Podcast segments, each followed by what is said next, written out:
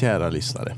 Hjärtligt välkomna till en helt ny säsong av Insikter från utsikter, podden du mår bra av. Jag heter Malte Hallqvist. Jag är föreläsare, komiker och skådespelare. Och så har jag den här podden. Nu kan man ekonomiskt stötta min podd genom att bli prenumerant. 29 kronor i månaden kostar det och då får du 1. En glad poddare. 2 ett extra avsnitt i månaden. 3. alla talkshows från Scalateatern i Karlstad som heter Malte möter kommer sändas i efterhand som ljudfil i den här kanalen. Och sommaravsnitt. Ett i juli och ett i augusti då podden egentligen har semester. Lättaste sättet att bli prenumerant är att gå in på Spotify på Insikter från Utsikt idag och klicka på länken som finns i avsnittet Malte möter Linus Wahlgren. Jag hoppas du vill bli prenumerant. Det kommer du må bra av. Och jag också. Avsnittets gäst heter Carola Jansson och är en tjej som jag har haft koll på i stort sett hela livet. Hon målar med en otroligt bred palett och det kommer ni förstå nu när jag säger att avsnittet kommer att handla om allt mellan döden och hängpattar. Jag tror det är dags att vi släpper lös avsnitt 152 av Insikter från utsikter med Carola Jansson. En social schweizisk armékniv. Carola Jansson är en gymnasielärare med väldigt många strängar på sin lyra.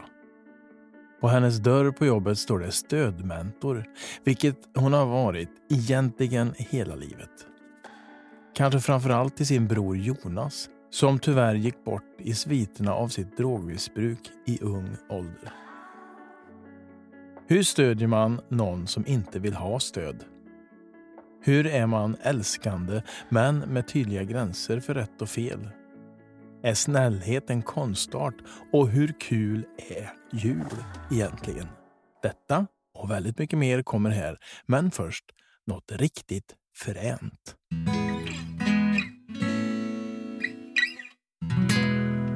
Hur känns det här då? Det känns spännande. Mm. Ja. Har du varit med i någon podd förut? Nej, jag har varit med i radio. Jag fick ju vara med på Karlavagnen. Det var ju häftigt. För, för mig, det blev jag helt Ja, vad, vad då? ultra då? ödmjuk inför. Det visste inte jag. Nej, de, de eh, kontaktade mig. Det är väl det är två år sedan tror jag. Jag tror temat var liksom, du vet, snäll. Att vara snäll. Men var du programledare eller var du någon typ av expert? Nej, de ringde, de ringde upp. Jag blev intervjuad utifrån temat, Ah, ja. så jag fick Mm. snacka lite. Liksom. De pratade med mig en stund utifrån det. Mm. Ehm, det tyckte jag var fränt. Kära lyssnare, hjärtligt välkomna tillbaka till ytterligare ett avsnitt av podden Insikter från utsikter. Podden du mår bra av. Och här sitter jag hemma, som jag gör ibland, när gästen har lust att komma hit och gästen sitter mitt emot mig. Heter Carola Jansson. Hjärtligt välkommen. Tack Malte. För du har aldrig varit hemma hos mig förut heller va? Nej, jag har bara varit utanför. Ja. Vi känner ju inte varandra jätteväl, men vi känner varandra lite. Mm, Så kan man väl säga. ja, det tycker jag. Vi har lite koll. Mm. Hur mår du? Jag mår bra. Och Det det, beror på... Det, det beror på att det är, det är fortfarande lite ledigt. Mm. Det har varit en bra ledighet. Ja, vi sitter ju här. Idag är det fredag den är det femte idag, eller sjätte januari. Femte va? Ja, Mm. Trettondagsafton. Ja, det är det. Mm. Vi sitter Ja. på en afton. Se där. Mm. Nej, men det har varit bra, goda dagar och veckor. Jag har ju liksom lov. Mm. Så att jag är påfylld. Därför tycker jag nog att det är lite extra bra. För du jobbar som Ja du. I grunden är jag gymnasielärare. ja, utbildad i vilka ämnen då? Svenska och religion. Ja. Eh, Men det grejer jag inte med längre. Utan nu, eh, på min lilla skylt på jobbet så heter jag stödmentor. Ehm, och sen så är jag som en eh, schweizisk armékniv. Jag, det går liksom inte att säga riktigt vad jag gör, utan det beror på vad som uppstår för behov. Men man kan säga att jag, jag är till för elever och lärare på daglig basis med allt sånt som man som lärare och mentor framförallt kanske inte hinner lösa. Mm. Och eh, Är det någon typ av ny tjänst? yes, För det här känner inte jag igen från Nej, min, nej. min tid i skolan. nej, nej, det är nytt. Och därför är, är, är det diffust och därför är jag lite diffus för vi liksom håller på och kollar. Så vad behöver man fylla den här tjänsten med? Oj, vad heter titeln? Är det social... Stödmönster. Socialpedagog hette det Jag tänkte i social äh, Ja. schweizisk... schweizisk Social schweizisk armékniv. Nej men alltså det är ju jätte, det är ju en skitfin satsning är det ju. Mm. Eh, Jag tycker att min rektor är ju modig och, och klok. Liksom. Ja. Så jag är till för det som behövs varje dag. Jag har en hel hop med ungdomar som kan behöva mig på en dag. Och då är det samtalscoach nästan då? Eller? Ja, det, blir- ja, det Mm. blir en hel del samtalande. Mm, Men eh, inom ramen för vad jag kan åstadkomma. Liksom, och vad som är, många gånger kanske jag känner att nu, får vi, nu kopplar vi på kuratorn. Eh, men Just det det. här ko- dag, alltså, ja, många typer av samtal har jag och kan Ja, ha. för det måste bli en, du måste ju vara en del av kuratorns jobb. Mm. jag ingår, jobbar ju i elevhälsoteamet. Ja. Alltså, jag är ju inte lärare längre utan jag hör till elevhälsan. Så det är, det, så är det ju. Vad, Det- Kan man se någon röd tråd när det gäller elever? Vad, vad behöver de hjälp med? Ja, men det är mycket... Jag, jag tycker att jag är som bäst på ångestar. Det är mycket ångest Mm. av olika slag. Ehm, och det är klart det jag är. Det är en stor skola. Det är en jättestor skola. Det är 1200 elever. Mm. Ehm, och det passar ju inte alla. Sen så är jag uteslutande på estetiska programmet och det är ju också en alldeles egen extra typ av själar. Liksom. Ja, Ehm, ofta högkänsliga människor. Verkligen. Ehm, och gott om, gott om NPF-diagnoser. Mm. Och det ställer ju lite krav på vardagen. Liksom. Och det, jag kommer in i bilden där. För eh, som en alldeles vanlig mentor på gymnasiet så har du inte tid att backa upp allt det här som kan uppstå varje dag. Mm. Kanske möta upp någon som tycker det är jobbigt att komma in just idag, in genom dörrarna, bokstavligt talat. Mm. Gå och käka lunch med några. Jag har ett gäng som jag försöker hänga med på lunchen, för matsalen är ju liksom... Ja, Kriget. det är ju battlefield. Ja. Vare sig man vill eller inte så är det en otroligt jobbig miljö. Eh, Och då, då går jag med, då käkar vi tillsammans. Det kan uppstå situationer kring, kring prov eller till grupp, gruppindelningar. Alltså många är ju jätte... Det finns en skörhet liksom i, i att man är många. Varför tror du du har hamnat där? För att jag alltid egentligen har haft fokus på individen. Jag har, det här kan ju låta fullständigt bedrövligt, men det, det struntar vi i. Men jag har ju egentligen aldrig haft ämnet som, som min prio. Ehm, utan det är ung, liksom ungdomarna och individen har ju alltid, alltid varit det som jag känner att jag jobbar för. Så jag upplever att det är skönt att slippa ämnen nu. jag var ämnesfärdig. Liksom. Nu får jag äntligen jobba med ungdomarna. Mm. Varje dag. Jag sitter där och blir nästan lite avundsjuk på ditt jobb. Ja, det, det förstår jag. Ja. Jag har, jag, ja, Ja, men, och jag få- har ett otroligt jobb. Få, få gå in och göra skillnad på riktigt. Mm, men det är ju så. Verkligen, och jag kan känna det och jag kan se det. Mm. Hur vet du när du har gjort ett bra jobb? Det ser jag på eleven. Det ser jag på ungdomen. Om, om, eh, det, kan vara, det kan vara om han eller hon lyckas eller också vågar misslyckas, som det heter. Så att, eh, jag kan titta på mina ungdomar, så ser vi. Och Det finns så många olika. Det är ju, eh, ofta så handlar det om pytte, pytte, pyttesmå steg. måste jag säga. Det är ju liksom inga revolutioner som händer. Nej. Utan man måste ha tålamod. Små saker. Och då känns det gött.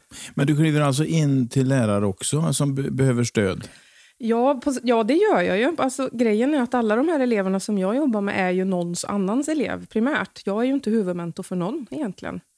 Utan jag är ju, blir ju en förlängning. Mm. Så att på det sättet kan man ju säga att jag hjälper lärare. För att det är ju, in, det är ju jättesvårt för en, en ordinarie undervisande lärare att ha ett sånt aktivt mentorskap som det behövs kring några elever. Va? Mm. Men sen kan det också handla om, jag är inne ganska mycket i klass också. I pågående undervisning i klass där det kanske, kanske är oroligt i en grupp. Där det, det är fint med förstärkning. Så jag är ju, hur den är så heter jag ju stödmentor och jag tänker ju att jag är ett stöd både för mentorer och elever egentligen, åt båda håll. Mm. Och det är därför jag säger att jag är en schweizisk armékniv, för jag vet inte, det går att använda mig på så många sätt. Liksom. Ja. ja, för jag har ju läst på om det och förstod att du var lärare.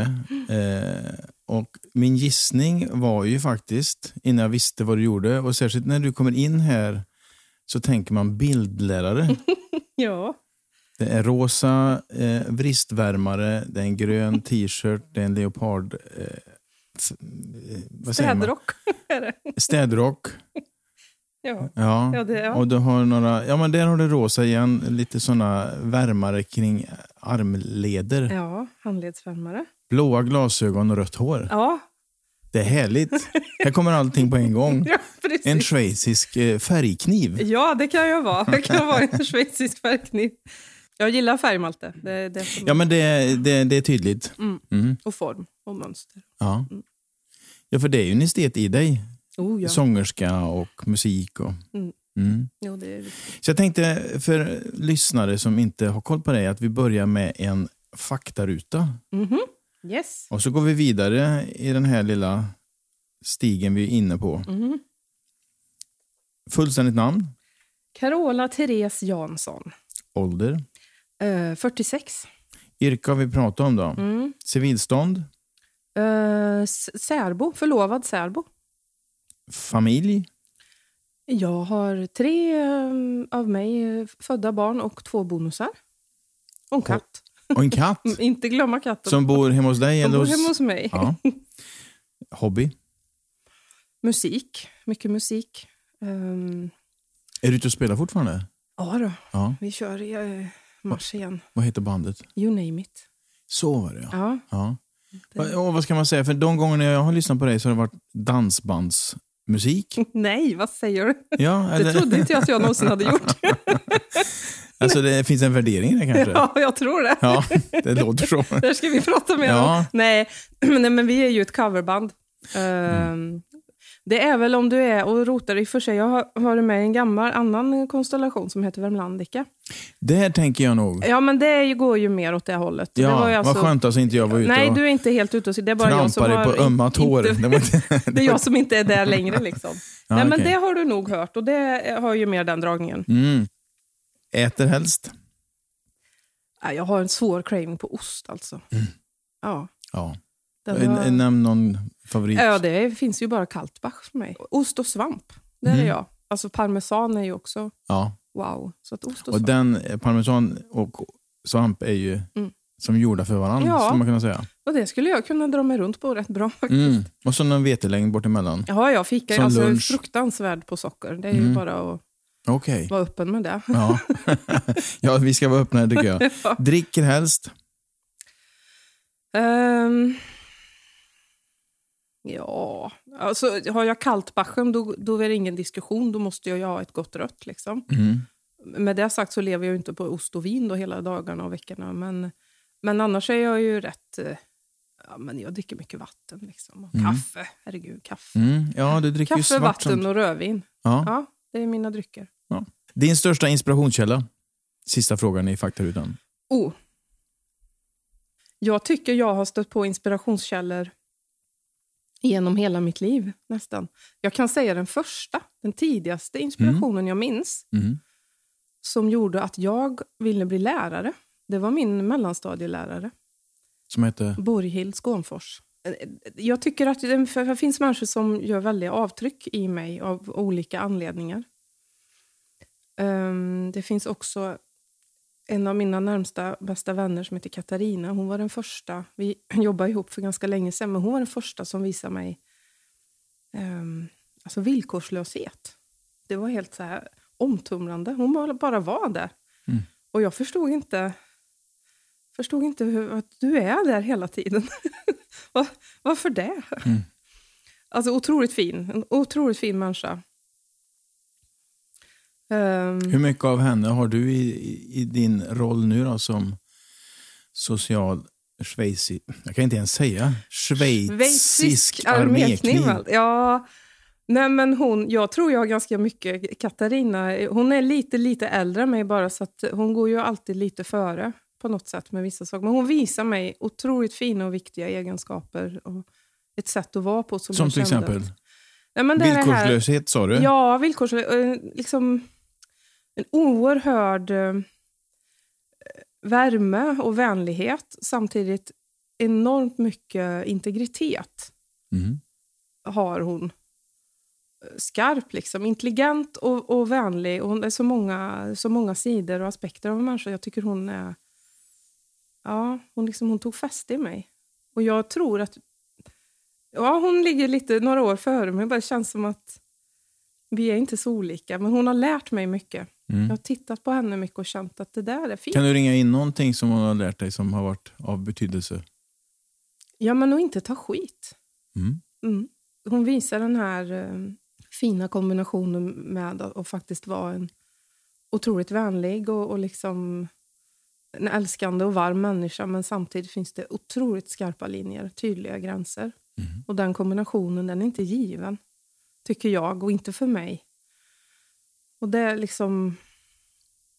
Där är hon. Hon är en förebild i det. Mm. Man kan ha gränserna och konturerna och ändå vara varm och mjuk och älskande. Mhm. Det är liksom ena utesluter inte det andra. Just det. Men det finns ju massa. oh, Ja, det är så svårt det här med förebilder och inspirationskällor. Det finns så många. Mm. Tycker jag. Men det, det kommer vi in på ordet snäll, tänker jag. Mm. Att det också har gränser, Oh ja. men ändå vara mjuk. Mm. För snäll kan ju vara verkligen att, att säga som det är, även om det gör ont. Ja, det kan finnas hur mycket kärlek som helst i det. Ja. Ja. det, det, alltså snällhet är ju en konst. Mm. Eh, det är ju inte bara. Man kan ju vara dumsnäll också. Liksom, och ge, man kan vara snäll och ge bort sig själv hela tiden. ja men då snäll. blir man mes. Ja, blir man trampad på. Alltså det här med snäll, snäll med integritet, va? Det, det är ju en... Och också kunna våga, som du säger, våga säga, våga säga saker ibland. Fast man vet att det här kanske, det här kanske blir obekvämt eller smärtsamt. Men Mm.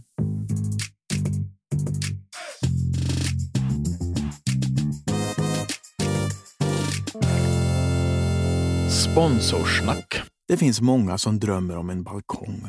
En inglasad alltså. Där man kan sitta och leka sommar fast det är tidig vår eller sen höst. Det är ute fast det är ändå inne liksom.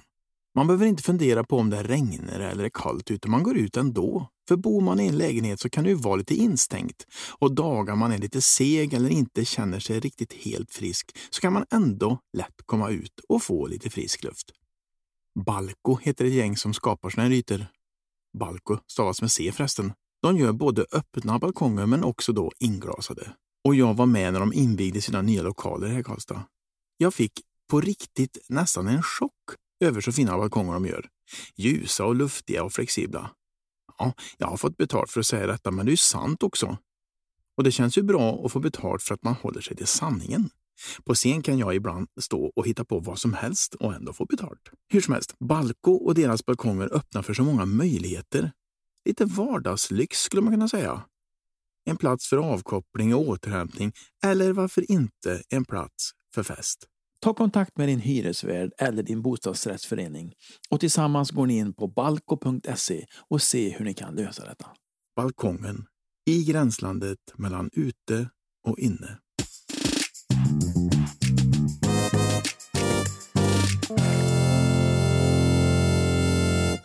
Vi har mycket att prata om, Carola. Jag tänkte på det när du, innan du kom här. Var ska man eh, börja? Men vi kanske ska ta någon slags start i din föreläsning om din bror Mm. som heter Det är lugnt sedan. Mm. Vi kan ju säga till lyssnarna också att så de får en bakgrundsbild. Det här Mm. handlar om din bror som försvann in i drogernas värld och till slut dog av detta. Mm. Hur gammal var han? 26, 27? 27. Han Ja. dog 2016, gjorde han. Mm, Uh, ja, missbruket liksom. Um, Var är du nu någonstans i resan med Jonas? Ja, nej, men det där är ju liksom... Det är ju en st- stor del av ens liv på ett sätt. Eh, hela den resan. Att jag valde... Ganska snabbt så landade jag i att jag ville göra någonting utav Jonas död. Liksom. Alltså, jag kände att det här kan ju inte, han kan ju inte bara dö och så är det klart. Liksom det, jag måste förvalta, det ska inte vara helt... Det här med att inte dö förgäves helt Mm, enkelt. Det mm. var jättestarkt i mig. Så det blev ju, det mynnade ju ut i en föreläsning som jag valde att kalla det Lugnt syrran. Just för Mm. det sa han ofta till mig. Eh, f- Jättemånga gånger genom livet. Eh, Alltså, alla möjliga. när du var orolig? Jajamän, men jag Mm. var ju orolig, alltså jag var ju orolig för Jonas från att han föddes nästan. Alltså det var ju lite stök. Han var ju böshalk, som Ja, vi okej. säger på värmländska. va? Böshölk, kan du förklara vad det är? En böshalk, det är, det är en yvig liten människa. Det händer grejer. Det är lite högt och lågt. liksom. Mm. Eh, plus att jag var ju 11 år äldre än han, va, så att jag har ju alltid varit väldigt mycket stora syra Just det. och kunnat ta, ta ansvar och ta hand om honom. Liksom. Så att jag har ju varit bekymrad för Jonas nästan alltid och, och han har nästan alltid, sen han började bemöta min oro så har det varit det lugnt syrran. och det Mm. sa han ju ända in i kaklet. Mm. Jag har ju föreläst en, en del, eller en hel del, eh, och jag har lugnat ner det lite. Vad beror det på? Det beror på att... Och egentligen så var det hela arbetet kring eh, anhörigstöd och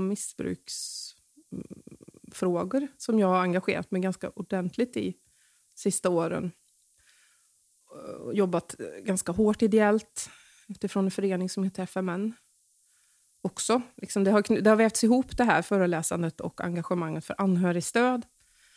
Men så kände jag för ett år sedan att det blev väldigt mycket jobb. Alltså. Det blev väldigt Mm. mycket.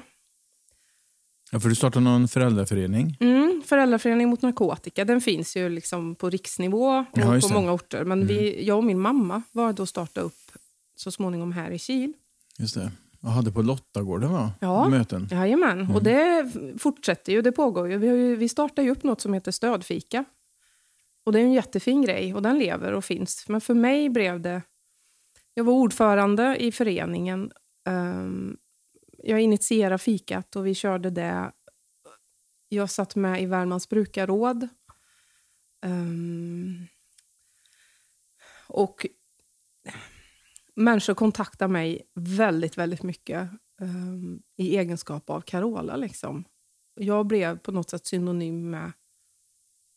Vi har det skitjobbigt här hemma nu med vårt, Mm. vårt barn. Vi kontaktar Carola. Så Mm. jag, mitt, mitt messenger svämmade över till slut liksom, av människor som hade det otroligt, otroligt svårt och jobbigt och tungt. Och till slut så kände jag själv att vad, hur, jag blev sådär, jag tänkte igenom vad, hur disponerar jag ett dygn? Och då blev det klart för mig att jag på dagtid, heltidsarbetande, jobbar jag med rätt tunga grejer. Alltså ungdomar som inte mådde så bra. Mm.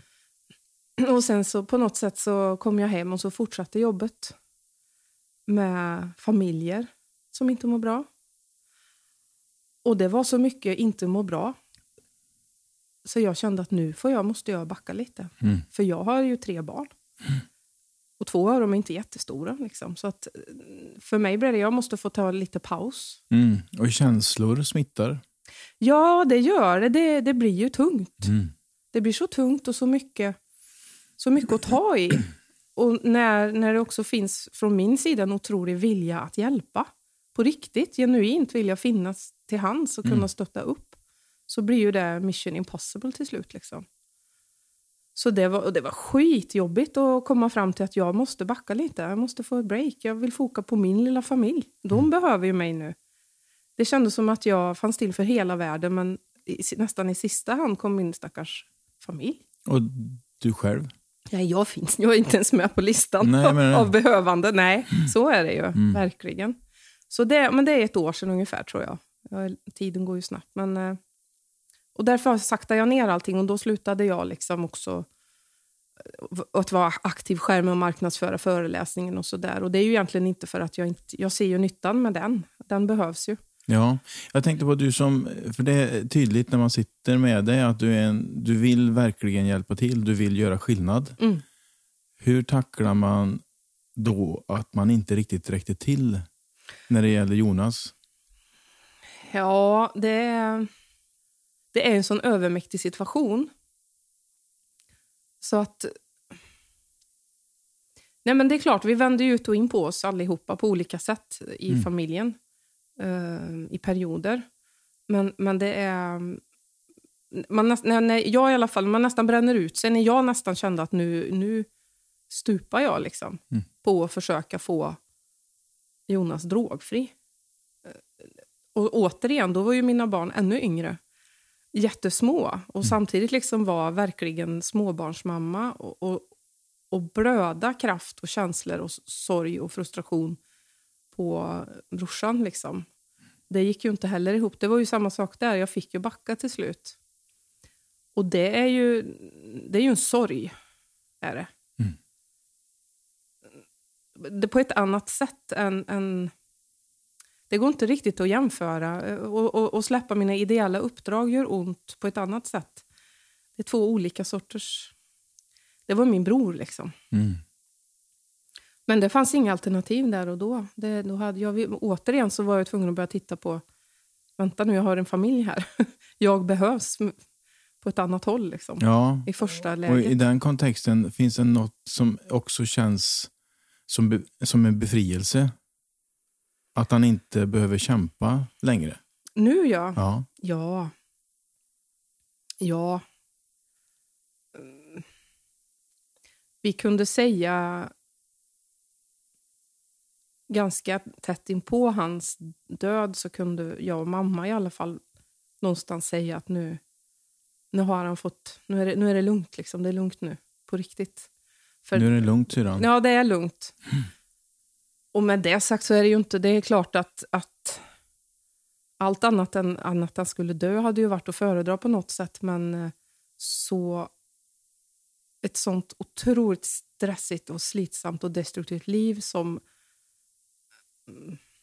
han levde och som man, man lever när man är där i livet med den problematiken så är det, det är så slitsamt så att eh, när till slut hans kropp inte orkar mer kanske inte han själv överhuvudtaget. Liksom. Så det var nog ja, det var nog en lättnad på något konstigt sätt. Mm. Det som blir- blir en sån här överhängande evig frustration är ju mer att det aldrig gick att få till, få till vändningen liksom, eller vården. För att jag vet ju att brorsan inte ville ha den typen av liv heller. Det var ju, så vill ju inte han. Han ville ju något annat. Men det här att förmå, förmå att göra andra val liksom, och, och ta hjälp och, och bryta. Och så det är jättesvårt. Och den kan ju vara, den, kan ju, den kommer ju ligga kvar länge tror jag. Att det hade kunnat varit, blivit annorlunda. Mm. Fast det är ju onödigt, eh, onödigt ällt på något sätt också. Jag kan förstå ältet, men eh, någonstans så eh, kan jag uppleva många gånger i livet, jag tror ingen kommer undan beslut eller besked som gör att man själsligt går av så att säga. Och i det så är acceptans. Mm. Även om det kan vara fruktansvärt jobbigt. Så för att kunna överleva så är det acceptans som man får jobba med. Ja, det finns ju inga alternativ. Man kan, man kan ligga på botten ett tag. Det tycker jag gott och väl man kan få göra. Mm. Ligga där i, i mörker liksom och, och bli absorberad av det som gör ont. Men, men det håller ju inte i längden. Det finns ju ingen luft där. Det finns ingen riktning. Det finns ingen ljus. Det finns inget... Hur kom du ur? Ja, det var nog delvis jag kände att då ska jag fan göra något, något av det här. Liksom. Jag hittade nog en, ett driv i, i att göra någonting vettigt för Jonas. Liksom. Med Jonas på något Mm. sätt. Mm. Det uppstår ju ett, en kreativitet och någon form av drivkraft när det är riktigt jävligt. Då går det igång mm, kugghjul i mig. Och det tror jag, jag vet inte om det är just för att rädda upp en. Mhm. Om det funkar så. Jag blir inte paralyserad eller lamslagen kan jag vara en stund men sen så liksom börjar det...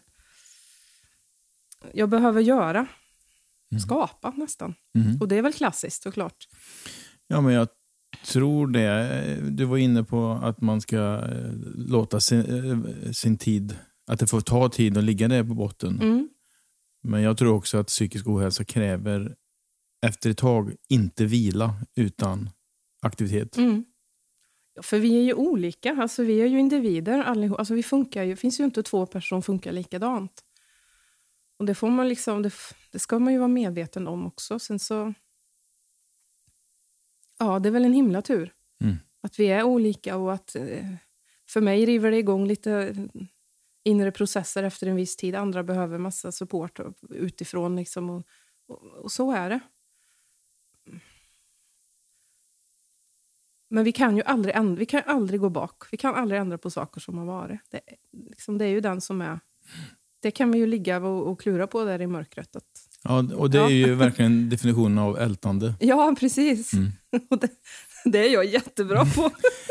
Jag tror vi människor är rätt bra Ja, på det. men ska man, hur ska man förhålla sig till det då? Alltså, det, här tänker jag mycket på. Ja. eh, ältandets funktion och när liksom... För den ältandet är ju ganska eh, motarbetat och liksom... Ja, men man ska ju Ja, sluta att- älta. Alltså, Ja, jag blir så här, hur ska man förhålla sig till ältet då? Ja, men jag tyckte du var inne på lite grann att man kan tillåta sig ligga där på botten ett tag och Ja. älta. För det kanske finns en funktion. Nu är vi verkligen ute på djup, eller jag åtminstone är ute på djupt vatten. Det, här, Mm. eh, det är lätt att man låter som man kan, men det här kan jag verkligen inte. Men man tänker ju mycket på det. Mm. Så jag tror ältandet kanske kan ha en funktion en stund, men sen behöver man nog, som du har då, kugghjul som drar igång och att man blir på något vis kreativ och åtminstone framåtdrivande. Mm. Ja, men jag tror det måste, man måste ha riktning. Mm. Jag pratade i telefon med en av mina äldsta och bästa vänner eh, i onsdags. Hon ringde och grattade mig och så snubblade vi in på väldigt svår händelse hon har varit med om. ehm, kring när hennes första barn föddes. Det var väldigt, väldigt traumatiskt. Och det höll på att sluta absolut så illa det kan. Liksom. Men, och då frågar jag henne, men ah, hur liksom, har ni bearbetat det här? Eller hur? Och hon sa att jag, jag tror delvis att vi gjorde det under tiden. Mm. Och det har jag, liksom, det har jag tänkt lite på de här två dagarna som, sen hon sa det. Att det, det, de var tvungna, för det, hände som, det var så dramatiskt och traumatiskt. Så att på något sätt så tyckte hon att de var tvungna att fejsa så mycket hela tiden som hände. Så att hon tyckte att de var delvis, delvis bearbetade. Mm. För att de tänkte på alla möjliga scenarion som skulle kunna hända. Ja, och de ställdes inför så mycket. Det var väldigt mycket tvära kast och det var liksom högrisk och det var ja, men du vet, intensivvården som bara stora team på 16 pers operations... Ja, du vet, det, var så, det var så bortom vad man kan föreställa sig. Så jag tror att de... Ja, som hon beskrev det. Hon, hon själv tänkte att vi, vi bearbetade under tiden. Liksom, på något sätt. Inte helt och fullt, men mycket Mm. fick tas om hand om där och då. Och det, det är ju lite grann när- att vistas i det svarta, liksom, tänker jag. Mm.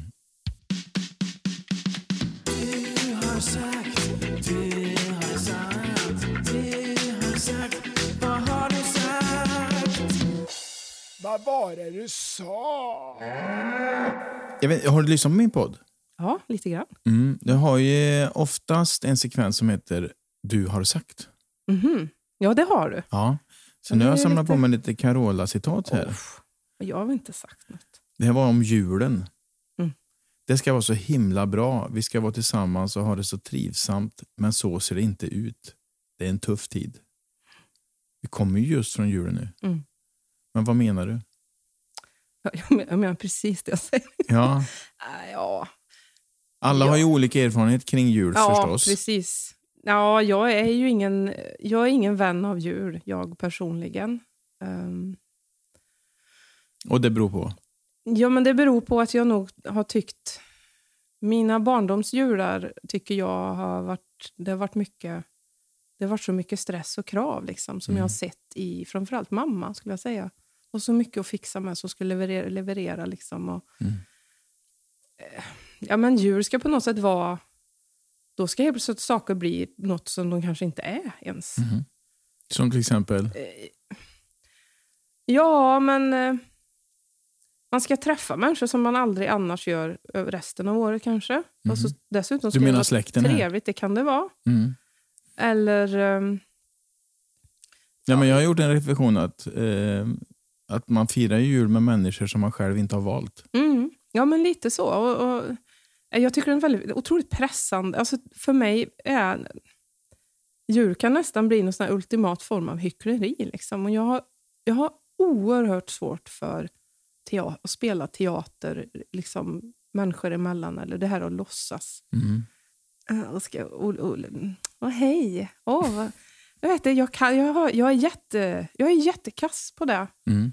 Jag kan bete mig socialt. Jag kan såklart säga hej till en människa jag Och nödvändigtvis trevlig ut. inte... Ja, det är inte det. Nej, men det tror jag faktiskt men att du men ju, liksom högtider kan ju bli det blir ju essensen av att tvingas samman. Liksom. Och så måste, vet man att det vill till att det ska vara trevligt också. Och det ska vara städat och Ja, nyputsade ja fönster. så och- himla tipptopp och, och nice. Liksom. Och det, jag vet inte, jag har jobbigt med det. Jag tycker det... Nu tog jag mig friheten tidigt när jag fick barn. Från, alltså mitt första barn. Jag har ju en dotter som fyller 18 också snart. Mm. Från och med att det kom barn så claimade åtminstone jag rätten att mm, då gör vi som vi tycker. det blev liksom en, det fick man ett kryphål lite grann. Mm.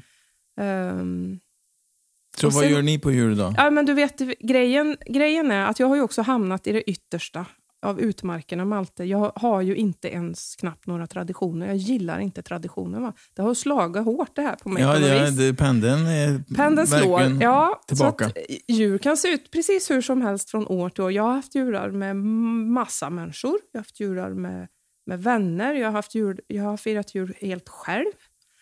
Eh, den Hur här var det? Djur, ja, det var skönt. Mm. Det, för mig är ju det hur gött som helst. Ja. Jag har ju ingen behov av... Eller ja, behov och behov. Jag mår inget gött av den press som jag upplever kommer med att fösa samman och så ska det vara kanon. Liksom. Nej. Om det inte ser ut så. Kajer är ju ändå ett flockdjur, tänker jag. De hänger ju ofta ihop. Mm. Stora gäng. Mm. Jag gillar stora gäng. Ja. Jag gillar stor flock, men jag, har flocken, jag vill ha en flock där vi kan vara som vi är. Ja. Jag har svårt för teatern eller charaden. Och med detta sagt så, så är det ju inte så. eh, nu är vi så vuxna allihop uh, runt omkring. Och, mm, ja, eftersom vi gör lite som vi vill. va? Mm. Jag tycker det låter skönt. inte. Ja, och det blir inte den här... Vi har avdramatiserat massor och får, det får vara enkelt. Den här julen hade jag och min kära Benjamin, eh, som jag förlovade med, vi hade inga barn på julafton. Men då snodde vi ihop lite käk eh, och då är det inte full rigg. Nej. Allt som ska vara, det skiter vi i kapitalt, men vi tog det som är gött. Och sen så plockade jag hem min mamma och min gamla mormor. Och så åt vi. Mm. Och så var det inte mer med det. Och det är en jul i min, min smak. Liksom. Och sen, eh, ja, min mormor är gammal så hon orkar inte så länge. Så att då har vi käkat någon timme och hängt och så var det klart. Och sen var kvällen vår liksom. Och vi spelade tv-spel och vi lyssnade på någon musik. Och det liksom, Mm. då mår jag bra. Mm. Men tyck- nästa jul vet man ju inte. Kan, kan det vara mycket full folk rigg, som helst. kan vara full rigg igen. Kan vara full rigg. Mm. Nästa citat Mhm. har jag hämtat från Facebook. Mm. Länge leve hängbröst och hängpungar, säger jag. Ja. Lite kontrast till julfirande, men vad, vad, vad tänker du här? ja. Oh, hur ska jag... Äh, ja, det är inte, inte ett dugg komplicerat. Jag, jag, jag önskar, jag unnar och önskar så många kvinnor och tjejer framför allt, och det inkluderar mig själv, att få känna sig helt jäkla fine i det som är den man är. Hur det ser, alltså, jag är så less på kroppshets, på ideal, ouppnåeliga ideal, på perfektion. För man anar någonstans att du har jobbat med det här. Ja, med mig själv menar du? Ja. Ja, det, gör, det gör jag hela tiden. Ja. Men jag har ju kommit en bit också. Mm. Det vill jag påstå. Men ja, jag tycker det är... Det har ju mycket ungdomarna också med att göra, liksom det här och se den här kampen för utseendet hela tiden. Att det ska vara, man ska se ut. Och det ska vara... Det finns en kravbild och jag, fy tusan vad många tjejer som mår skit alltså. För att det är helt ouppnåeligt bitvis. Och för vems skull? Och du vet, det är en sån... För mig är det en sån härva som är helt... Nej. Och det ska vara... Ja, oh. Så att hängbröst och hängpungar, den är ju... Texten på den här bilden som jag använde gick ut på att eh, det borde vara okej med hängbröst när det är okej med pung. Liksom. Just det. Det var den kopplingen jag tycker den är rätt intressant. Liksom. För att vad fasen. Ja, bröst hänger. Hela kroppen hänger faktiskt efter ett tag. Mm. Och så ska det vid åtgärdas då, eller? Varför det? Mm. Och hur kommer vi till, liksom, hur löser vi det här? Jag tror ju på... Jag, jag gillar ju kroppsaktivism i, i den formen där man liksom helt utan minsta genans visa på så här är det. Så här ser ju en riktig, en riktig kropp ut. Utan, Alltså, Utan massa operationer. Och... Ja, jag tror vi måste, vi måste ju bara våga liksom, visa vilka vi är. Mm. Och det betyder ju då inte... Jag sitter ju här som en cirkus... Jag ser ju ut som Nej, en nej, cirkus. nej. ja, men, du ser ut som en bildlärare. jag ser ut som en bil- Ja, så var det. Mm. Jag är ju fåfäng. Mm. Men det är jag ju inte för... ehm, det är ju inte för att jag har några konstiga flöden jag scrollar i som talar om för mig hur jag ska se ut. Och det finns liksom en enorm skillnad i att, att se ut på ett sätt för att man tycker om det kontra se ut på ett sätt för att jag uppfattar att det krävs av mig. Och i det här så är det, jag, jag håller ju på liksom... ehm, jag, jag vill skita helt i bh. Det Mm. måste man väl kunna få göra. Ja. Men du känner ett motstånd i det? Ja, jag, ja jag, inte, jag skiter i den ofta, men sen har jag beroende på vissa plagg då, så tycker jag att det blir väldigt lite väl så här avslöjande. Mm. Och det är egentligen nästa steg som jag, jag jobbar med. För att tänker vi på det, var- varför ska det, eh, ska det vara ett jävla problem att mina bröstvårtor syns? Hur, ska det, hur kan det vara ett problem egentligen? Mm. Egentligen. Ja, men det är väl att det är så sexuellt laddat. Ja. Tror du inte det? Och varför, men varför är det det? Och hur blev det så? För sen kan, går man långt tillbaka, längre bak i tid, du vet lite 60-70-tal, det var ju ingen, det var ju ingen big deal, men det var ju ingen som hade bh. Nej. Och det var ju ingen grej i sig. Det har ju liksom blivit I laddat. Sverige var det ju väldigt eh, bh-löst. Ja. Mm. Och nu blir det väldigt fokus på bh och häng, men liksom det handlar...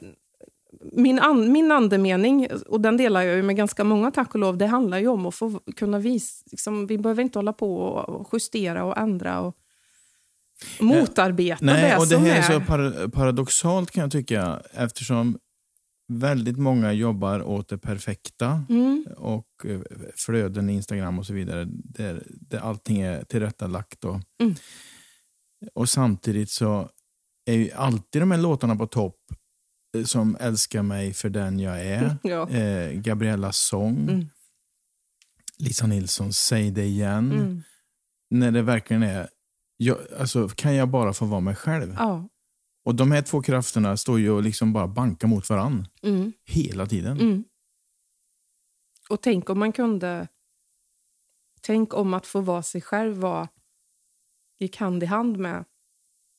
Och så här ser det ut. Visst är det härligt? Mm. Lite grann som Stina Wolter. Hon lägger ut, så här ser det ut. Ja, jag Mm. älskar Stina Wolters Ja, men det skulle jag Hon- kunna tänka Ja, mig. ja. Det är, hon, hon är ju fantastisk i det. liksom. Mm. Och, blir ju så, och hon blir ju regelbundet avstängd också från Instagram till exempel. Ja. Nu blir det för mycket. liksom. Nu Mm. blir det för, för mycket bröst här som hänger. Alltså, det är ju Mm, fascinerande. ja, vi lämnar det där tror jag. Mm. Eh, De här, kampen går vidare. Kampen går vidare. Jag är medvarande. Mm. Också från Facebook. Mm. Jag, jag, tror att jag kom på det ordet. Ja, Jag kollade upp det först. Och det fanns nej, inte? Det fanns inte. Nej, men se där. Och så det blir det Lite ibland. språkutveckling. Ja, precis. Ja. Jag tycker det. Jag har sa så för att jag... ehm, jag jag har en jättegod vän som bor långt bort. Och Vi hade kontakt en morgon och det var lite tjorvigt. Ehm, men vi, vi skrev med varandra och lite sådär och så uttryckte hon ändå att hon känner, jag känner att du är med mig. Mm. Och det kändes fint. Och så rullar jag väl det lite då, för så är det ju. Ehm, Det rullas rätt mycket. Och så tänkte jag att det, att vara med någon fast man inte är där, det måste ju vara... Och då kom det till mig, bara ordet. Att då är jag ju medvarande. Mm. För jag är inte där. Jag är inte därvarande och inte närvarande. Och Vad är skillnaden på medvarande och närvarande? Ja, du tänker fysiskt där då alltså? Ja, men lite. Och närvarande tycker jag är väldigt... ehm, jag kan vara närvarande i vår konversation, även om den är i skrift, tror jag. Om jag är, att vara närvarande är ju att vara i, i, i det som är. Mm. Ehm, nu är det hur jag uppfattar Ja, närvarande. förstår. Medvarandet det är ju att kunna förmedla känslan till, i det här fallet, min vän att ja, men Carola är med, hon är med mig här. Liksom. Fast jag inte, vi är ju inte i, i nuet, i en pågående kommunikation nödvändigtvis. Utan att kunna få en människa att känna att jag finns där för dig, jag är med dig. Mm. Fast vi är på helt skilda håll och gör olika saker. Och ändå kunna känna att någon är med mig här. Mm. Det känner jag är ett medvarande. Närvarande, det vill man ju vara i nuet mycket, men det är mer en, en, ett sätt att förvalta liksom, stunden, tänker jag nog. Mm. När jag är med mina barn eller när jag är med dig här och nu, eller oavsett vem man är med, så att vara, vara där. Inte vara där lite grann eller någon annanstans i tanken. Liksom. Ja. Jag tycker det skiljer sig åt lite. Mm. Är du medvarande nu? Uh, ja, jag vet inte om de tycker att jag är med den just nu. Jag är närvarande Mm. i, i, i din, ditt och mitt poddande. det känner jag. Ja, Det här skrev du till mig på Messenger. Du, jag har en grej på gång. Humor vill jag tro. mm. Jajamän. Ja, vad är det då? Ja, precis. Det var ju det jag behövde dig till där. Ja, Humor vill jag tro. Ja, men eh, jag har en grej på gång. ja. Som, som ska Kan du ta av. det här, så här i podden? Ja, lite grann kanske. Ja, Kan ja du göra? bestämmer. Jag tänkte det kan vara en kul grej, för jag vet ju Ja. inte vad det är. Nej, eh, det vet ju jag, men jag behöver ju... eh, Ja, men okej. Det är ju som allt, jag får ju alltid ta allt en liten bit tillbaks då. Eh, av olika anledningar, en kväll kunde jag inte sova. Och jag var väldigt upptagen i huvudet med att allt är så jävla allvarligt. Mm. Det är så allvarligt. Grund, min grundkänsla liksom var så här, ja, det är allvarsamt. Och så är det ju. Det här har vi ju touchat. Vi jag omger ju mig med ganska, det är så allvarligt och det är tungt. Det känns och som du drar dig däråt också. Ja, ja. Det, Ja. jag drar mig och jag dras. Och jag, det, Mm, det är ja. liksom. Mm. Och det där grubblar jag på lite. Ehm, och så började jag jag måste ju få in, jag måste få in, det måste ju bli mer kul liksom. Jag måste få in mer glädje och lättsamhet och kul. Mm. Och så tänkte jag, så kom det bara en line i huvudet på mig där i mörka eh, kvällen. Eh, som var, allt hänger på mig. Eh, och det tyckte jag var otroligt roligt. Mm. För att, Med tanke på det vi pratade om förut. ja, precis. Eh, Den är så, det är så dubbelt. Mm. För att eh, dels den här upplevda känslan av att ha så mycket an, liksom ansvar och, och ehm, ha så många människor som man behövs för på något sätt. Och det är viktiga grejer. Liksom. Mm. Och det kan man ju tro är... Ja, men också ensamstående, ensamboende med tre barn. Och, det, liksom, det är så mycket ansvar. Va? Så, Mm. det kan man ju tänka att ja, allt hänger på mig och jag går säkert och muttrar hemma ofta om att allt som jag måste fixa med och sådär. Men den riktiga meningen med det var ju allt, att allt hänger på mig. och, och det tyckte jag var så det här måste jag komma ihåg för att det liksom börjar snurra lite. Ehm, Det är en föreställning vi pratar om nästan. det är en jag, föreställning, det kommer Mm. bli en föreställning. Ja. Eh, den är skriven. Grejen var att det räckte inte med att bara tänka så här, det här måste jag komma ihåg. Så jag, blev så här, jag gör nog en anteckning i mobilen. Mm. Så skrev jag bara det, allt hänger på mig. Men det stannade inte skallen, utan det spann och spann. Och så jag här, okej, fast nu då, det här kan vi ta imorgon, Carola. Nej, går inte. Nej, men okej, då tar jag det nu. Och så, Så upp på natten och skriva det då? Ja, och då, jag, gjorde, jag öppnade upp så jag gjorde anteckningar i mobil, låg där i sängen liksom, och, och, och skrev ner det som kom till mig. Och sen så på något sätt så kom det ut, det som skulle ut. För nu kan jag sova, och det kunde jag. Och dagen därpå så skulle jag överföra de här anteckningarna i mobilen till, rätt in i ett Word-dokument. Det gjorde jag och då var det nästan sju sidor. Oj, tjenare. Det är Tjena. mycket. Det är ju 35 minuter läsande. Ja, Mm. precis. Så att eh, det, det kom ut där och det ligger det nu i, i ja, mer eller mindre bearbetad form. Och att jag då skrev till dig var ju att jag, jag har ju aldrig gett mig på humor. Mm. Jag har ju bara gjort all, väldigt allvarliga saker. Det är ju död och elände och droger och medberoende och anhörig. Liksom. Men eh, jag vill väldigt gärna göra det här och jag tror att, jag tror att det kan bli kul. Jag jag är helt övertygad. Ja, men det, och det, är liksom, det är ju grejen att jag har ingen, eh, jag har ju liksom ingen humorguide eller kompass eller ens. Mm. Så att, eh, därför petar jag på dig. Jag behöver ju få bolla det här som jag tror kan vara lite kul. Mm. behöver jag bolla med någon som redan grejar med kul. Mm. Så att, eh, Jag bollar gärna. ja, så det ska vi göra. Ja, absolut. Mm. Men det kanske inte tar i podden Nej, va? det gör vi inte. Men vi kan säga i podden att det är en föreställning på gång. Det kommer komma och det, Mm. det ska vara skitkul. Wow.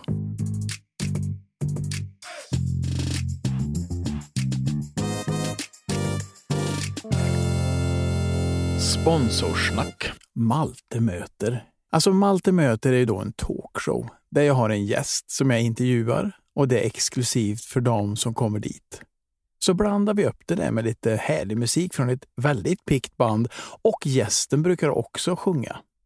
Sen är det lite lekar, tokiga upptåg, eh, publikfrågor och annat massa kul som gör att man mår lite bättre när man går hem om man jämför när man kom dit. 12 mars så möter jag Sussi Eriksson. Vi ska prata om klimakteriet, vikthets och hur det är att åldras som kvinnlig artist. Ni hör ju själva. Så gå in på ticketmaster.se eller ring 054 19 00 80 och så ses vi på Skala den 12 mars.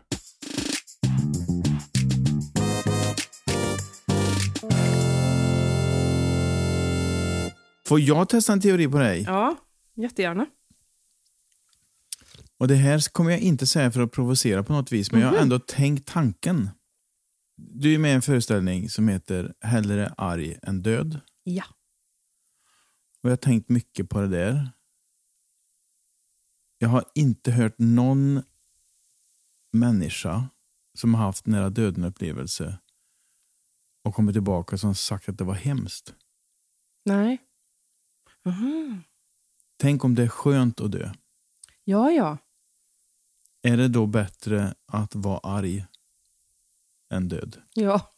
ja. Ja, men ja, det här, jag förstår precis vad du Ja. säger. Ja. Um, fast um, här, alltså, äh, själva att, att dö... Får man säga så ens en gång, tänker jag. Ja, det kan man ju diskutera. Ja. Men jag, jag, jag, jag kan bemöta det känner jag. Ja, och liksom reda det. För att um, det är hellre arg än dödet vi ägnar oss åt. Vilket, vilket jag måste för övrigt säga då är ju med en annan av mina själs, själsvänner, Mm. Marie Niljung. ja, hon har varit poddgäst här. Ja, och Mm. hon är ju hon är också otroligt viktig för mig idag. Hon är en sån här nuvarande viktig person för mig. Men ehm, det arget och döden som behandlas där, det handlar ju om eh, när det finns en i grunden psykisk ohälsa. Mm. Och de här tankarna om att vilja dö, det är ju liksom impulser som är övergående. För man vill ju egentligen, alltså väldigt få vill ju dö. Ehm, det finns ett annat begrepp i den här föreställningen som är knutet till det här som är väldigt, jag tycker mycket om, som är jag, jag vill inte dö, jag orkar bara inte leva. Och alltså att se döden som en befrielse, det är ju en sak, att, alla de här skildringarna av nära döden-upplevelser, Mm. men de, det har inte riktigt med det här att göra, utan det här handlar ju om, hela det här handlar ju om su- suicidpreventivt arbete egentligen. Mm. Att våga vara närvarande och vara på en människa som får de här impulserna, tankarna om att man, nej nu avslutar jag. Och den är ju grundad i, det här är ju sjukdom, ett sjukdomstillstånd. Ja, jag förstår. Men för det jag tänkte på var ju att... Ja, men jag tänkte så här tror jag, att för vems skull ska man överleva? Mm. Är det för de som blir kvar och sörjer? Eller är det med tanke på den som inte orkar leva? Galenskaparna sjunger ju det ska vara gött att leva, annars kan det kvitta. Mm. Nu hann jag inte prata med Claes Eriksson om detta. Vad de riktigt menade. Nej, och om de har fått kritik Mm. från eh, Mm. typ Suicide Zero. Mm. För det är ju ett slag i ansiktet kan man nästan tycka. Mm. Om det inte är gött att leva då, då kan det kvitta. Mm. Och det är många som inte tycker det är gött att leva. Mm.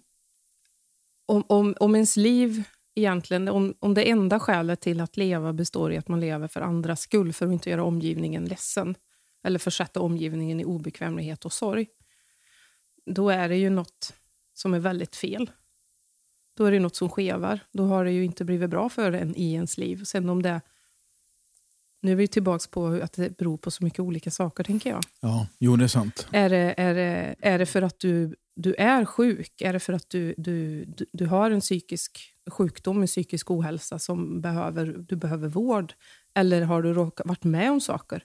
Har du, bär du på så mycket elände och trauman så att du är söndersliten och trasig? Är det därför du känner att det här har ingen mening. Alltså, det är, jag, jag, jag hör vad du säger, jag förstår vad du Ja, fikar efter, men den ja, är ju... och jag- det verkligen inte för att provocera, Nej, utan bara för att nej. testa en tanke. Ja. Att kan det ibland vara så att eh, man kämpar så hårt för att folk inte ska ta självmord för att man själv inte vill vara kvar och sörja? Du ska använda ett ord jag inte tycker om. Det är så onaturligt att ens liv inte ska vara värt att leva. Mm. Det är, det, det därför jag säger som jag sa, det är något som har, är väldigt fel då. Det är något som är väldigt snett, för att ens liv ska ju vara värt att leva. Tankar, tankar på döden, tankar, tankar och känslor av att jag orkar inte eller jag vill inte mer. Det har ju nästan alla människor. Vid något tillfälle någon gång, eller många gånger, eller korta gånger. Alltså, men att, att ta, att snudda i den tanken eller känslan att jag, jag skiter i det här, jag vill inte mer, jag orkar inte. Det är ju också mänskligt. Mm. Så att här är det ju också en skala när någonting övergår från att vara det här mänskliga eh, man, mänskliga ho- doppet i svarta håret kontra att vistas där. Nu är vi ju där igen, Malte. Mm. Och vistas i det Ja. svarta då och Ja. inte ta sig ur det heller. Det är ju en obegriplig... Det, det, det kan ju inte vara ett alternativ att, eh, nu gör jag citationstecken, att få dö när man är i det. För att där är man ju inte in, vid några sunda vätskor. Jag förstår. Utan då är det ju, om jag här och nu med vår, i vår stund med vårt kaffe och liksom, det här är en supertrevlig stund som vi har. Allt är bra. Jag mår bra. Du frågar mig hur. Om jag nu skulle avsluta den här sessionen med, ja, nej men nu, jag skulle jag vilja dö. Så blir ju det också konstigt. Mm. Fast jag säger det, eh, jag, då säger jag det utifrån att jag inte, jag mår inte dåligt. Nej. Men på något sätt så handlar ju hela den här, det handlar ju om att det går inte att... En människa som är i det här svarta hålet, den är inte, den är inte guide, sin egen guide. Utan då måste man komma upp och för att på riktigt titta på vad är det som står på. Varför känner du det här? Men, alltså, och resan upp för att kunna föra ett mer, eh, liksom genomlysa. Det är ju där som man riskerar, om man, om man vågar vara en påträngande och, och omtänksam medmänniska så kan man väcka, det är där man kan väcka ilskan. Mm. Att man, är, man stör ju någon liksom som helst vill ligga och grotta i det här svarta, men det är ju fullständigt onaturligt. För man är ju rädd, man är ju rädd ofta så ligger ju rädslan i, eh, jag är inte rädd för det, men eh, generellt igen då så ligger en rädsla i, tänk om han eller hon blir arg, eller tänk Ja, om, alltså det är så otroligt tassigt. Mm. När det kan egentligen vara en hel en game changer att ta en kontakt Mm. med den där som man ser varje dag eller springer på eller faktiskt kan vara en kollega lite på håll som man ser eller vet mår skit liksom. Och bara ta steget. Ja. Så, Ja, ja, och där är jag helt med. ja. Mm. Jag, jag tror att det är där det ska läggas. Ja. Kanske i synnerhet för dig Mm. egentligen. Mm. Lägga det på en eh, väldigt allmän, låt vara då, det, till, till tefloniga nivån. Mm. Ja, just det. Eh, för det är ju större och allvarligare än så. Ja. Ja, Mm. jag är med dig. Mina damer och herrar, det har äntligen blivit dags, inte bara för mitt och Maltes favoritmoment här i programmet i podcasten, utan jag gissar för er allas. Det har blivit dags för Tombolan! Då Carola, Mm. Då har du en grön tombola bredvid dig Ja. med lite frågor i. Så att du kan väl, når du att snurra och sådär? ja, just det, det ska snurra. Ja, då. Ja, eller så stoppar ni i handen och Jag liksom... basar runt lite. Ja, det är en bösa. Du har såna sköna värmländska såna basord. jag kan ju. Fränt, böshölk. Ja. Nu tar jag en då. Mm. Okej. Vad är du mest stolt över? Jag är mest stolt över att vi är där vi är i vårt liv, jag och mina barn och min Benjamin. För vi har ju också rest liksom. Mm. Så för mig att se, se på mina barn idag, inte minst. eh, Att nu har vi kommit hit. Här är vi nu. Det gör mig jättestolt. Grattis! Tack så mycket. Vi tar nästa. Mm. Vilken dålig vana skulle du vilja bli av med? Ja. Det är väl allt detta socker då, vet du. Som- Ja, för det har du nämnt några Ja. gånger, att du gillar socker. Ja, men jag är ju total sockerråtta. Ja. Att inte jag bara har liksom förvandlats till, till socker. ja, jag, jag skulle, ja, det är en dålig vana. Är det. Jag äter ju, jag gillar socker, jag gillar att fika. Alltså det, är, det kan nästan vara tidsfördriv. Eh, det kan vara känsloreglering och ta något gott om det är lite... Förstå, alltså, det fyller alldeles för många funktioner för mig. Uh, sött liksom. Ja. Så jag skulle, jag skulle inte kanske vilja vara helt kvitt, men jag skulle vilja reglera den lite. Har du någon plan då? Nej, Nej. Så det kommer inte bli så? vi får väl se. Blir det så blir det. det ja, nej, jag vet inte. Det är en svår kamp att föra, men eh, jag har ju å andra sidan inte fått på tafsen än av någon, någon läkare eller något. Liksom. Så jag är väl Nej. inte helt eh, out of bounds. Men, Det verkar inte så. Eh, Men det har jag läst mig till och även testat. Det går ganska fort över. Om det man bara, abstinensen? ja, ja. alltså två veckor, Mm. kanske tre. Okej. Men sen, om du nu skulle vilja prova det, så Mm. kan man ju veta om det att Mm. så här, det här suget som jag känner nu kommer jag inte känna för evigt, utan Nej. det går över. Frågan är ju om man... Liksom, för det är ju väldigt svårt att gå på noll. Det finns ju i allt nej, överallt. Ja, Så inte. där är ju mer att kunna skära ner då, Mm. på ett vettigt sätt. Ja, ha vissa dagar kanske. Mm. Lördagsgodis är ju, är ju grejen, ja. tänker jag. Jag ska försöka hålla mig till det Ja, lite mer. du behöver, jag tycker du får bestämma själv. Ja, tack. Är man över 40, vet du, då får man bestämma själv. Ja, det får man. Ska jag ta en till eller? Ja, gärna. Ja, jag gräver här i tombolan. Oh, det bästa tipset du någonsin fått. Det var ju ingen liten Nej, fråga. nej. Eh, Jag har nog fått jättemånga bra tips genom åren och i olika sammanhang. Men en som kommer till mig direkt, det är ett tips som jag fick, jag fick lära mig tipset men har också tillämpat det till så många andra, i synnerhet inom anhörigstöd vid missbruk faktiskt. Men det här funkar för hela livet. Lägg ansvar där det hör hemma. Mm.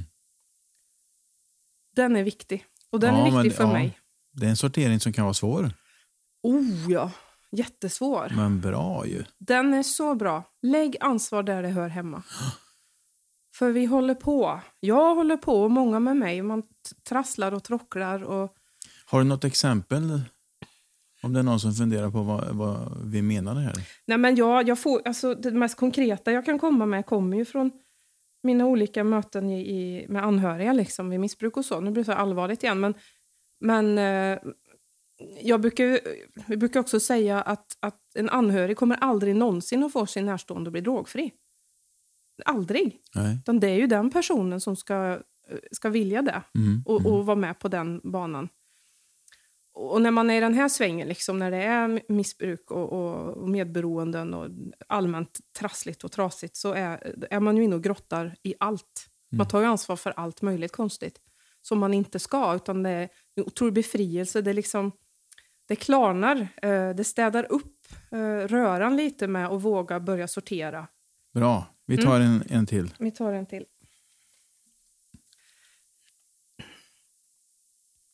Då mår du riktigt bra. Var är du och vad gör du? Då är jag ute på vår klippa.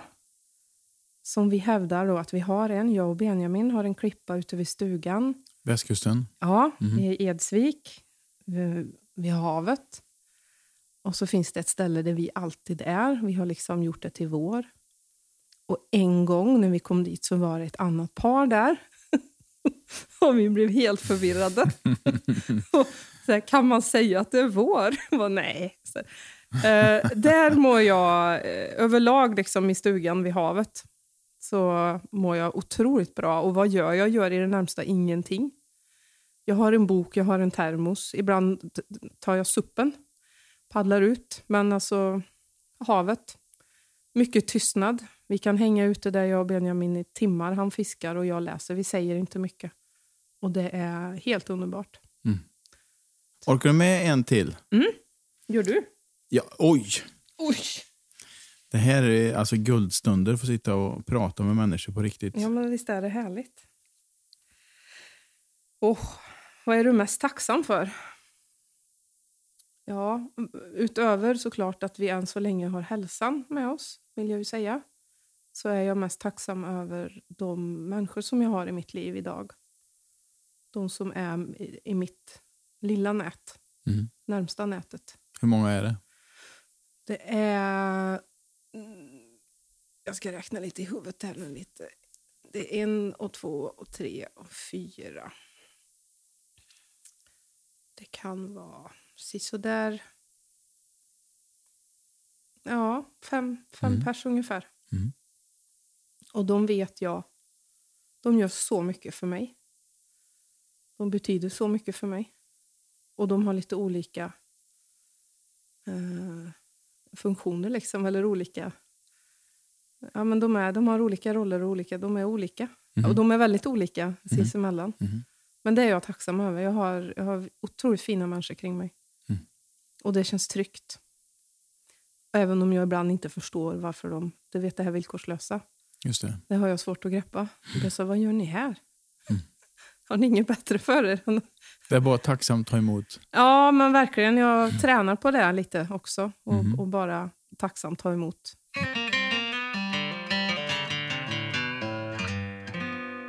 Avslutningsvis, Mm. en fråga jag ställer till nästan alla gäster. Vart är du på väg?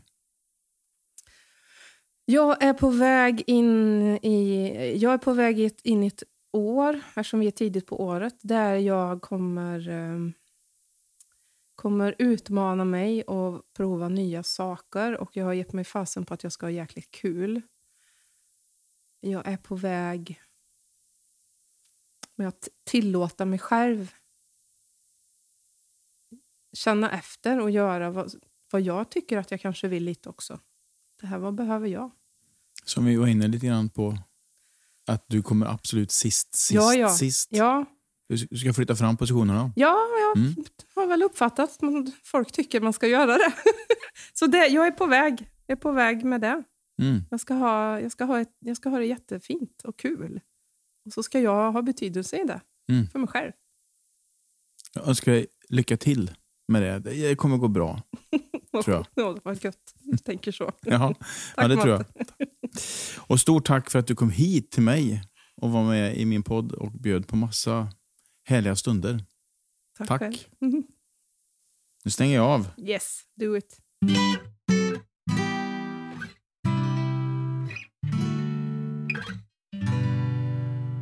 Mm. Det var Carola Jansson.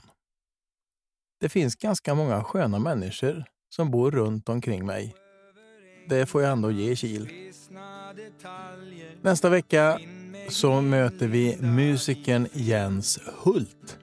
Och då ska vi få reda på hur man kombinerar snickeri med låtskrivande. Och visst nalkas våren. Nu nalkas